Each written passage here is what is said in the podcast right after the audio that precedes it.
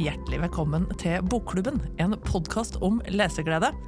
Jeg heter Ingeborg Woland og er direktør i Bokklubben, og har sniket meg inn i podkaststudio for en spesialepisode. Vi har jo Fantasy-februar her i Bokklubben, og da fantes det ikke noe bedre enn dagens gjest, som eh, rett og slett er i gang med fortsettelsen av Norges kanskje største fantasyserie gjennom tidene, Ja. skal jeg våge meg på. Ja. Hilde Susann Jektnes, velkommen til oss. Tusen hjertelig takk for at jeg fikk komme her og snakke om leseglede. Ah, det er så stas. Um, før vi dykker inn i hva du faktisk har skrevet, så må vi finne ut sånn, hvem er du? Fordi din forrige bok, uh, 'Jeg grunnla De forente stater', er noe ganske annet enn det vi skal inn i nå. Uh, jeg likte den for øvrig veldig godt, også den. Ja, takk for det, og de forrige bøkene før det igjen var også noe ganske annet. Så jeg tror jeg har eh, ja, på mange forskjellige måter, og jeg har jo prøvd meg litt frem. Begynte ganske eksperimentelt med det jeg skrev først, og ble ganske så ignorert. og så, ja, det, så var det jo en tredje roman som var helt sprø. Og da fikk jeg en eh, helsides slakt i Morgenbladet der det sto altså, Det fantes ikke noe eh, gjenkjennelig der fra hverdagen, og forfatteren har ikke på noe tidspunkt lagt begrensninger for seg selv, og ja, bla, bla, bla. Men det er rart, for det var, egentlig, det var jo egentlig en selvbiografi. eh, og, så, og så min neste redaktør sa eh, kan du prøve å skrive bare litt nøkternt? Altså litt vanlig. Jeg bare ja, selvfølgelig klarer det. Han bare jeg tror ikke du klarer det, men du kan jo prøve. og så kan du se hva som skjer. Og så, ja. Og så ble neste bok litt mer normal, og så, ja, så kom jeg grunna De forente stater, som jeg tror kombinerer realisme og litt mer lekne grep. Og så kom jo dette da som er fantasy, eller eh, ja, historisk eh, fa eh, Erotisk fantasy, kanskje? Ja, Vi må sikkert komme tilbake og diskutere hvilken sjanger. Ja. Uh, ja. Men altså, for den forrige boka di, uh, 'Jeg grunnla De forente stater', som jo handler om Alexander Hamilton, en av grunnlovsfedrene i USA, og som mange sikkert kjenner gjennom musikalen Hamilton, Ja. uh, den ble du jo nominert til Brageprisen for. Så vi snakker ikke tullelitteratur her. Nei, det er jo noen som da har latt seg overvise, eller eventuelt lure. Men eh, nei, altså jeg var Jeg begynte da å eh, få litt mer tro på at jeg kunne bruke Altså både skrive realistisk drama, men også kombinere det med noe mer av den utforskende genet.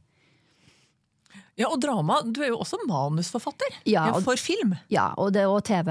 Ja. Og det er jo derfor jeg bruker ordet drama, fordi um, også i film og TV skriver man jo forskjellige sjangre. Man er jo gjerne veldig bevisst hvilken målgruppe man skriver for, og hva slags forventninger det er der, og da um, Jeg har jo kanskje spesialisert meg mest på drama, og det vil jo egentlig bare si en hvilken som helst historie som har mye konflikter og Uh, ja, et visst spenningsnivå, og som skal ha et klimaks. Det følger jo disse eldgamle tradisjonene fra Aristoteles med treaktsdrama, eller Ibsens fireaktsdrama osv. Så, um, og, og, men i bokverden, altså i den seriøse bokarenaen i Norge, er det jo ofte sånn at man snakker om ja, høylitteratur eller skjønnlitteratur, og så har man da eh, andre sjangre som krim eller fantasy. Um, spenningsfortellinger, uh, serier. Feel så- good. Ja, feel good. Som, ja, som betraktes på en annen måte, som om ikke det alle dreide seg om skjønnlitteratur. Det er litt rart, for det er jo ikke sånn i film- og TV-verden. Nei, og Det er jo litt den grunnen til at vi i Bokklubben i 2024 har gitt oss sjøl prosjektet om å utforske én sjanger i måneden. Ja. Og Da har vi starta med feelgood, og nå er vi på fantasy. Og for dem som venter i spenning, så kan jeg jo si at når vi starter på mars, så blir det naturligvis krim. Vi nærmer oss påske. Um, men det, nå må vi begynne å snakke om boka di, uh, fordi 'Solens sønn' uh, ser jo sånn på, sånn på forsida ut som en litt sånn tilforlatelig fantasybok, hvis jeg skal bedømme den ut ifra omslaget. Men dette er ingen hvilken som helst fantasybok. Dette er rett og slett en spin-off, som vi kanskje ville ha sagt i TV-verdenen, fra selveste sagaen om isfolket av Margit Sandemo. Ja, og det er jo helt uh, ufattelig fortsatt for meg at jeg har skrevet den boka, fordi jeg var en ekstremt stor fan av serien fra og med jeg var 14, tror jeg det var, til jeg var kanskje 18-19. Uh, og da- da begynte jeg å lese mye annen type litteratur, og, og ja, hadde nok litt skamfølelse i forbindelse med uh, det jeg hadde sittet og brukt så mange timer på, samtidig som at det hadde gitt meg så enormt stor glede og ja, spenning og alt mulig rart. Um, og jeg fantaserte jo enormt mye om de karakterene. Uh, og så kom jeg tilbake til det i 2012, for da var jeg involvert i et forsøk på å filmatisere serien uh, til en TV-serie. Og det har jeg jo jobba med av og på i ja, over ti år. Da måtte jeg jo gjenlese bøkene, og det førte jo også til at jeg skrev et essay om Margit Sandemo og mitt forhold til henne da hun gikk bort i 2018, eller når det var. Eh, så da jeg ble spurt av Vigmostad Bjørke, eller Bladkompaniet, som er samme ting egentlig nå, i fjor, i januar, eh, så holdt jeg jo på å ramle av hotellsengen i Tokyo, der jeg befant meg. Og hva er det mulig? Men jeg ble jo egentlig bare spurt om å levere en prosjektbeskrivelse og en skriveprøve for å bli vurdert eh, opp mot andre som gjorde det samme. Ja, for foranledninga her er vel også at eh, Margit Sandemo ville ha fylt 100 år i år. Ja. ja. Uh, La oss dvele litt med sagaen om isfolket for de som ikke kjenner universet. Eh, jeg har en veldig lik erfaring som deg. Mm -hmm. ved at Jeg, jeg arva faktisk alle 47 bindene av uh, sagaen om isfolket fra min farmor da jeg var 13. Uh, om hun tenkte over hva hun lot meg arve, jeg er litt i tvil om, men jeg var veldig glad for det. For jeg, i likhet med deg så har jeg tilbrakt så mange timer med denne familien som vi skal komme inn i, den, eller den slektssagaen, som det jo mhm. egentlig er. Eh, og har venninner som gjorde det samme. Jeg leste alle 47 bindene to ganger mens jeg gikk på ungdomsskolen. Eh, jeg kjenner folk som heter Villemo eller Sol. Eh, det er særlig de to navnene som går igjen. Fordi deres mødre hadde sånn som meg på 80- og 90-tallet. Hva er det her slags verden for de som aldri har lest sagaen om isfolket? Det er jo en verden som altså Hvis du ser på hele historien, begynner hun faktisk i Edens hage. Eh, nå skal jeg ikke røpe hvordan. Men eh, selve nedslagsfeltet er jo eh, Det begynner i Trondheim i 1581. Og så går historien frem til 1960 et eller annet, som er mer tilsvarende nåtid, eller nesten nåtid. Og da får jo hele serien et forrykende klimaks, og, og det er jo kampen om det gode mot det onde, men det handler om en slekt som er forbanna fordi deres eh, forfar, som er en sibirsk sjaman, har solgt sin sjel, eller rett og slett eh, egentlig sine etterkommeres sjel, til eh, det alle først tror er Satan, men som viser seg da å være en eh, sibirsk dødsgud. Og i bytte mot evig liv og uendelige sterke krefter, så eh, gir denne, altså, denne Tengel den onde han, eh, eller Tangil som han egentlig heter, han lover da bort minst én etterkommer i hver generasjon til å gå i det ondes tjeneste. Og det er rett og slett for å ta livet av folk og skaffe flere sjeler til denne dødshagen. Ja. Um, og da fødes jo disse ja, egentlig monstrene, kan du si, uh, med denne forbannelsen. De har som regel gule øyne, ofte fysiske særtrekk. De kan ofte se ganske uhyggelige ut eller frastøtende, eller de kan være magnetisk tiltrekkende, som er jo også et slags våpen de bruker. Og de føler sterkt behov for å gjøre onde ting. Eh, og de har overnaturlige evner som er ja, men, men forskjellige typer, da. Alt fra at eh, noen kan gå gjennom vegger, noen kan tiltrekke seg det de ønsker seg. Noen kan eh, enten skade eller helbrede med å ta, ta på folk, og, osv. Ja, for det, det, er jo ganske sånn det er skumle historier, samtidig mm. som det er flere gjennom Sandemos bøker. da, Veldig mange interessante personer. Eh, ikke minst kvinneskikkelser. Veldig spennende sånn kvinneportretter fra folk på 1500-1600-1700-tallet. Eh, mm. Som både gjør ting og tenker ting som vi kanskje ikke forbinder med kvinner i datidas samfunn.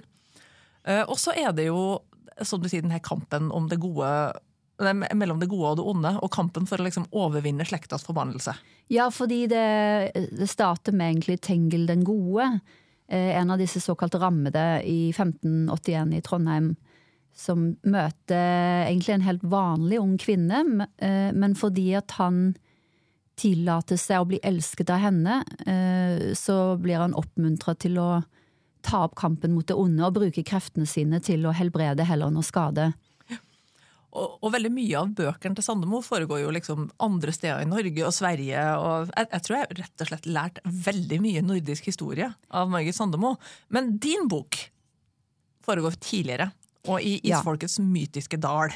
Må, ja. Altså Isfolkets dal, hva er det?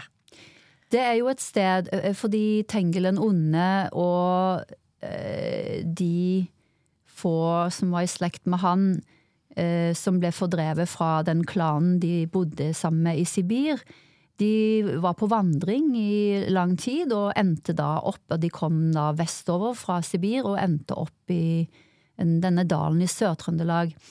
Og fordi at det, overalt der de dro, ble de kjeppjaga og forsøkt henretta. Og det var jo med god grunn, for mange av de var destruktive og eh, ja, lumske og onde, morderiske.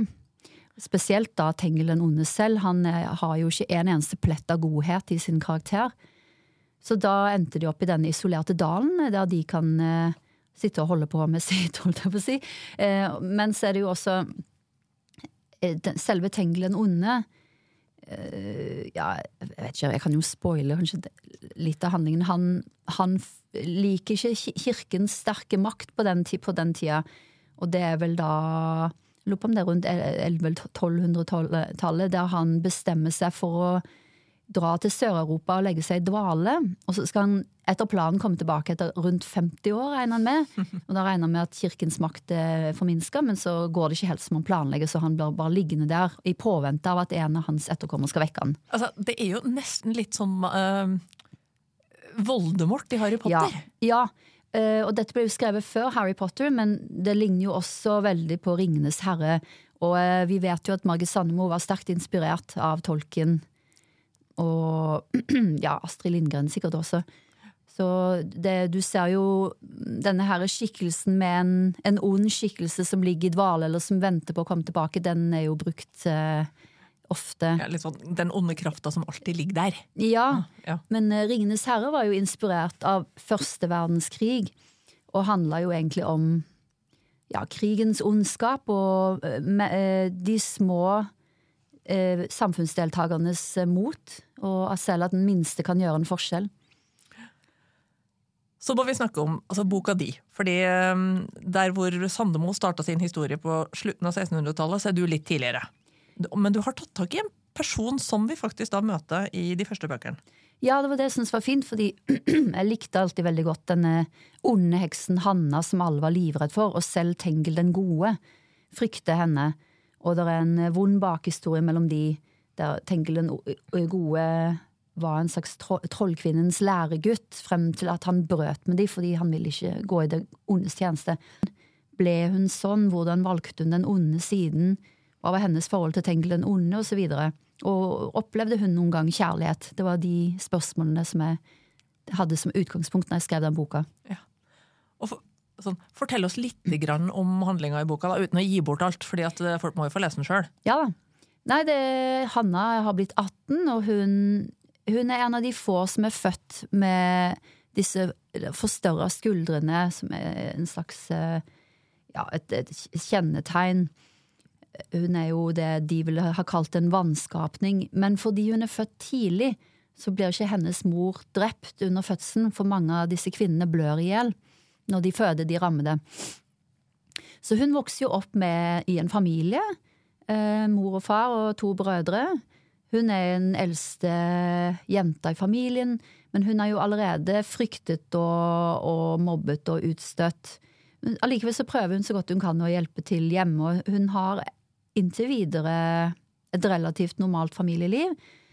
Eh, men hun, ja, hun, er utstøtt blant sine jevnaldrende, og så klarer hun allikevel å forelske seg i, i høvdingens nest eldste sønn, eh, som er en veldig god og fin gutt som heter Emil. Eh, og ja, så vi ser om hvordan deres bekjentskap utvikler seg, og, og samtidig kommer det da en ganske uhyggelig, mystisk fremmed til dalen, og da begynner ting å skje, og så blir hun også dratt inn i det. Um, jeg syns jo det var veldig gøy å bli tatt med tilbake til Isfolkets dal. For jeg husker jo som, eh, som ung leser, eh, så var den et veldig sånn rart og skummelt sted. Men her mm. syns jeg jo du gjør den mye mer menneskelig enn jeg noen gang oppfatta at Sandemo gjorde. fordi at her kommer vi inn på liksom det, det, lille samfunnet i dalen. Ja, jeg er jo veldig interessert i bygdesamfunn, både i dag og før. Og hva som skjer når du har et veldig begrenset antall mennesker som bor så tett sammen. Og Det syns jeg var veldig spennende å utforske. Og, så, for å gi liv til disse karakterene, så, så, liker jeg alltid veldig godt å animere det rundt de også, og ikke bare fokusere på én eller to karakterer. Hva slags research måtte du gjøre? Fordi at, altså, Vi skal til Norge på midten av 1500-tallet her. Ja. Eh, og det var jo annerledes både selvfølgelig i kultur og teknologi, men også i natur? Ja da. Eh, altså, først og fremst så prøvde jeg å se om jeg kunne finne Isfolkets dal på Google Maps. men så skjønte jeg jo, og jeg har jo kanskje lest andre steder, at den er egentlig en uh, hybrid av Grunke i Valdres, der hun hadde et hus, tror jeg. Og at uh, det også er Så er det blanda sammen med en isbre hun så på Island. Og, og et annet sted Jeg lurer på om det var i Sverige. Altså, det, og det er jo det man gjør i fiksjon, at man tar noen elementer man kjenner så da måtte jeg eh, Jeg gikk jo gjennom bøkene for å bare se så mye som mulig hvordan hun hadde beskrevet dalen i de forskjellige bøkene. For å kunne måtte tegne kart over den. Så jeg måtte både gjøre research i fiksjonen hennes, men så gikk jeg også tilbake og prøvde å gjøre research på den tiden i Norge, som da er under Kalmarunionen. Men Sverige har akkurat brutt ut av den. Og jeg skjønte jo veldig fort at jeg kunne veldig lite om hva som skjedde i Norge i 1501, for det er jo før reformasjonen. Eh, og det måtte jeg jo hele tida ha i mente. Eh, det, var noe, altså det var jo fortsatt en form for katolisisme som var religionen. Og det var før de helt store hekseprosessene begynte, men de hadde allerede begynt å forfølge og, og ta det, hekser og trollmenn. Ja, og, ja, så var det det med planter og trær og bær og alt dette her, fordi Eh, jeg tar jo veldig for gitt at kanskje de vekstene som jeg har sett i min oppvekst i Norge, har alltid fantes, men det har det jo ikke. Fordi de eh, veldig forskjellige urter har jo blitt brakt inn av munker fra eh, lenger sør i Europa. Og, og de og de trærne kom altså Hver gang jeg skrev om et tre eller en busk eller et bær, så måtte jeg sjekke og se om det i hele tatt fantes der på den tida. Det er litt sånn, Når begynte vi med ripsbuska i ja, Norge? Liksom? Ja, ikke sant? Ja. Og, og, mamma for eksempel vet jo mye om dette her, og hun blir nok litt sånn oppgitt av at jeg ikke eller nei, at, at, jeg må spørre hele tida. Og, og språkvaskeren min Hedda Vormeland hun kunne jo helt skummelt mye om disse tingene. Så der fikk jeg både mye refs og mye tips. Ja, hva, var en sånn tabbe som ble eh, rydda ut av manus, f.eks.? Nei, det tror jeg var dette seljetre... Nei, det var piletrær, tror jeg det var. Jeg hadde putta et piletre, for de er jo så vakre og litt melankolske og triste ved, ved, siden av denne her eh, innsjøen, som er litt viktig, da. Mm. Men det, den måtte jeg jo rense ut. Um, ja, for det var ikke piletrær i Trøndelag nei, på 1600-tallet, liksom? Nei, og, og jeg må iallfall Ja, piltrær eller seljetrær, det var en av de. Uh, så uh, ja. Og, da, eh, og, egentlig ikke i dette prosjektet, men i forrige prosjekt så fikk jeg jo da vite i etterkant at jeg hadde bomma på hva papir var laga av, for jeg trodde jo det var laga av trær. Men på 1700-tallet så hadde da Trygve Riise Gundersen, som er idéhistoriker, kunne fortelle meg at nei, da ble klær laget, nei, trær ble laget av skitne klær. Ja vel? Nei, altså papir ble laget av skitne klær? Papir ble laget ja. av skitne klær, ja hallo. så fascinerende. Ja, ja, og, ja, så det er mye, eh, mye rart man lærer. Og jeg måtte jo også finne ut om Kunne jeg si at de hadde en bibel i Høvdingens hus? Og det var jo ikke trykket noen Gutenberg-bibel da, som de hadde tilgang til, men, eh, eh, men de ville hatt eh, en oversettelse til norsk av Bibelen, av visse utvalgte kapitler som i ettertid har blitt kalt Stjørnbibelen. Og da måtte jeg finne en historie om at han der portvokteren hadde stjålet den da han var og jobba hos erkebiskopen, og tok den med inn i dalen. Så hver gang du gjør research, så er det jo om å gjøre å prøve å bruke det på en måte som tjener historien.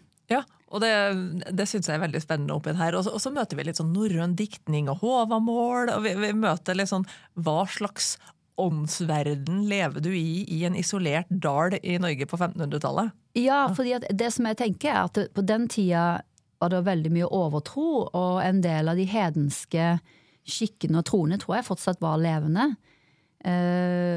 Og det gjaldt også Så, så jeg syns det var så fint å vise at det var en overgangstid, og at disse idealene som fantes i vikingtida, fortsatt ble praktisert. Så da brukte jeg høvdingen og hans sønner til å illustrere det.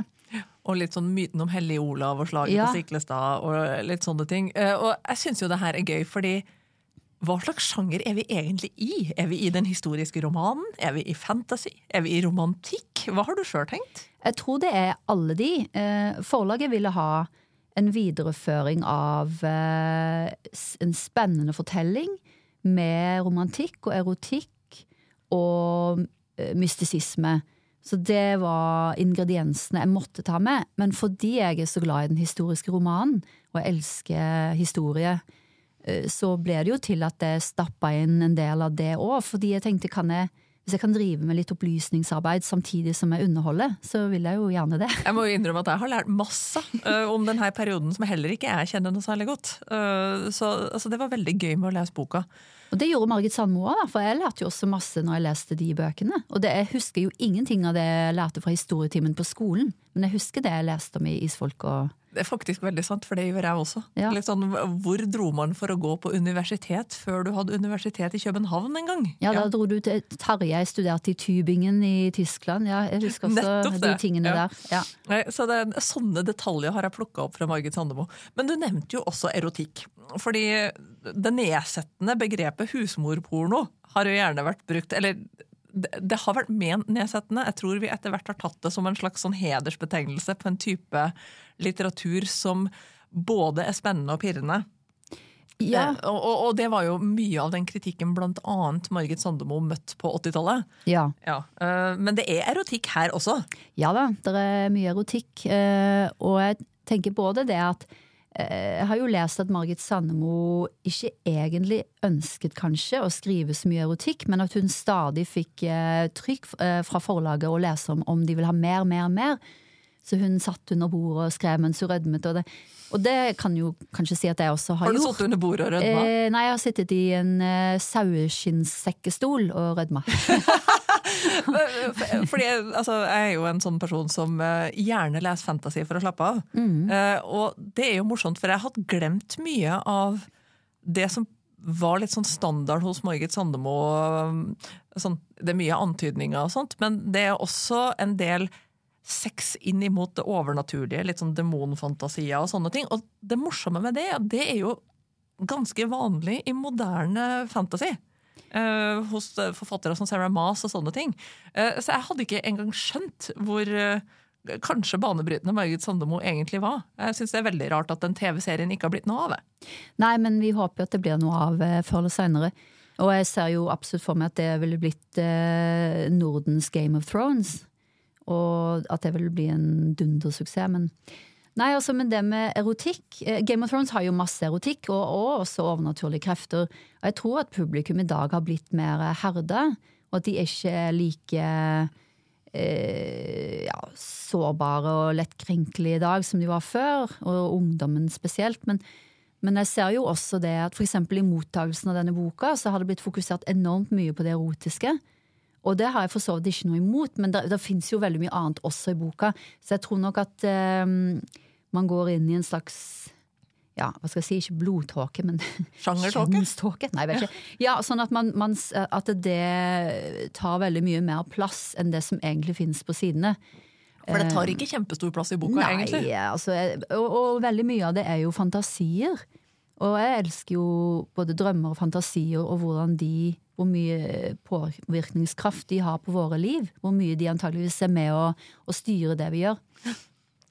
Men, jeg, ja, men jeg, jeg, tror nok at det fins fortsatt en slags moralisme, da.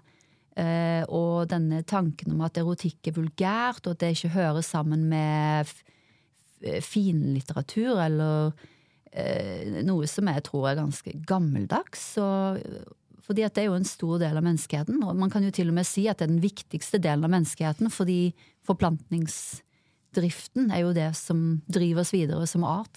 Ja, nei, eh, jeg tenker at det hadde ikke vært en verdig oppfølger til, eh, til Margit Sandemo uten at det elementet var med. Nei, det hadde vært feigt. Ja, det, det, det tror jeg også. Men, men det her er jo ditt første forsøk på å skrive i Sandemos verden, hva skjer framover? Fordi at eh, Jeg har jo lest slutten, skal ikke avsløre det. Men Hanna er i live, så vi har ikke satt punktum for Hanna. Nei da, fordi det er jo viktig at eh, alt jeg skriver fortsatt passer inn i Margit Sandemos eh, rammeverk. Og hun har jo veldig detaljerte slektstrær med fødsels- og dødsår og ja, Hannas død ja, Nei, nå vil jeg ikke snakke noe mer om det. Men vi vet, Men, ja, altså, hvis du har lest alle- slektstrærne, ja, så vet du at på et, ja. Ja, et, på et tidspunkt så dør jo alle unntatt Tengelenone. Ja.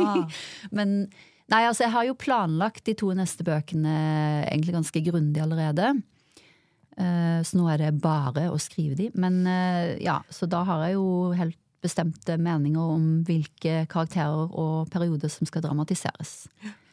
Og det er jo veldig spennende, for vi ligger opp til oppløsninga av Kalmarunionen mellom Norge og Sverige og Danmark her. Det, det skjer masse politisk, samtidig som det skjer mye personlig. Ja, og, og det er jo jeg også mye mer interessert i nå enn da jeg først leste bøkene. Så var det, jeg husker det var noen passasjer jeg skumleste litt, eksempel intrigene ved det danske hoffet. Eh, og så var det jo spennende på sin måte, men jeg, jeg tror at eh, Margit Sandemo også had, var etterkommer av en grev Oksenstierna, så hun har skrevet inn sine egne um, forgjengere i, i serien, noe som jeg syns er veldig gøy, da. Det er jo sånn at jeg ble nesten frista til å gjøre det selv. Ja, det er veldig morsomt. Ja, fordi når du gikk tilbake og, og, og leste opp igjen sagaen om isfolka og Sandemo, uh, hva oppdaga du som du ikke hadde tenkt over som ung?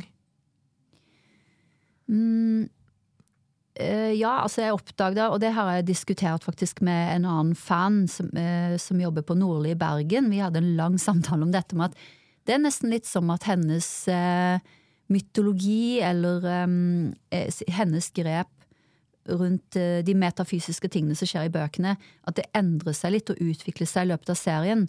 Eh, Så jeg mistenker jo at hun kanskje ikke hadde planlagt alt fra første stund, men at hun fant mer og mer etter hvert. Og, det, og fordi at det er jo en ganske dramatisk konflikt på veldig høyt nivå som skjer på slutten. Altså Lucifer mot Gud. Eh, som også egentlig minner litt om eh, en fantasy-serie som heter His Dark Materials, eller The Golden Compass, av Er det Pullman? Ja. Ja. Og der er det jo også en tilsvarende konflikt hva skal jeg si, på høyeste nivå, men som først man kommer til i slutten av bokserien. Ja. Uh, og den uh, Jeg tror jeg så den utviklingen av dette her ja, Lucifer-historiebuen tydeligere når jeg leste det om igjen som voksen. Ja, og det gir meg jo mer lyst til å gå tilbake og lese det igjen også. Og det er det morsomme, for det, det har jeg egentlig aldri planlagt å gjøre. Eh, Fordi i hodet mitt så har jo sagaen om isfolket vært sånn veldig sånn bundet til jeg 80-tallets eh, lesere og sånne ting. Men så har det jo fått en skikkelig renessanse de siste åra som lydbøker. Ja, for jeg tror den er jo ute av uh, print. Uh, så det går jo ikke an å kjøpe hele serien sånn som det gjorde når, når jeg jobba i bokhandel som 14-åring og kjøpte hele serien med 20% rabatt. Åh. Ja. Eh, men eh, ja, det fins som lydbok, og så tror jeg at eh, de tre første bøkene skal gis ut på nytt. Og jeg håper jo at resten kommer ut på nytt da, fordi man kan jo ikke bare forvente at alle skal finnes på finn.no. Nei, og jeg har jo lurt veldig mye på hva slags leser hadde jeg vært uten det forholdet jeg fikk til sagaen om isfolket som ung. Jeg tror det hjalp meg veldig gjennom den derre fasen hvor du kanskje blir for stor for ungdomsbøker, men er på vei inn i voksenlitteraturen litt sånn lett. fordi det er veldig lett skrevet, men det er veldig god formidling av historie. Ja, det er Man kan jo bare fyke gjennom bøkene. Eh, og det gjorde jo jeg og veldig mange andre kjente. Og jeg lånte jo ut de bøkene som jeg hadde kjøpt til alle venninnene mine, og de ble jo lest i filler osv. Men jeg, jeg vet at iallfall at mitt ordforråd tror jeg hoppa høyt opp. For hun har, bruker mange fremmedord. Ofte så bruker hun et fremmedord og så forklarer hun det like etter. Og det tok jeg til meg, og, og fikk veldig gode karakterer i både norsk og engelsk. Fordi jeg, jeg fikk den, ikke både le, bare lesegleden, men også skrivegleden. Ja, nei, jeg, jeg tror Margit Sandemo har vært mye viktigere for å forme norske lesere enn vi ofte gir henne kreditt for. Og forfattere. Og For forfattere. jeg har snakka med mange forfattere som sier at de slukte de bøkene. Så jeg tror nok at hun finnes som en avleiring inn i mange forfatterskap. Ja, oh, Det syns jeg var fint. Det er en god avrunding på denne samtalen øh, om Solens sønn, som da er tittelen på din første bok i Margit Sandemo-universet. Ja. Ja. Det blir kanskje ikke 47 bøker, men det blir minst tre. Det er godt å vite, fordi jeg lurer veldig på hvordan det går med Hanna etter å ha lest den første. Må bare smøre det med noen. Ja, og det skal jeg gjøre. Men uh, vi skal avslutte med et spørsmål vi alltid stiller her i Bokklubben, nemlig hva leser du nå? Ja, det er veldig morsomt og avslørende, fordi jeg fikk tildelt en av de frittstående bøkene fra Margit Sandemo som heter Spøkelsesborgen, fordi jeg hadde bare lyst til å lese den igjen. Jeg husker at den var så romantisk, så nå sitter jeg og sluker den.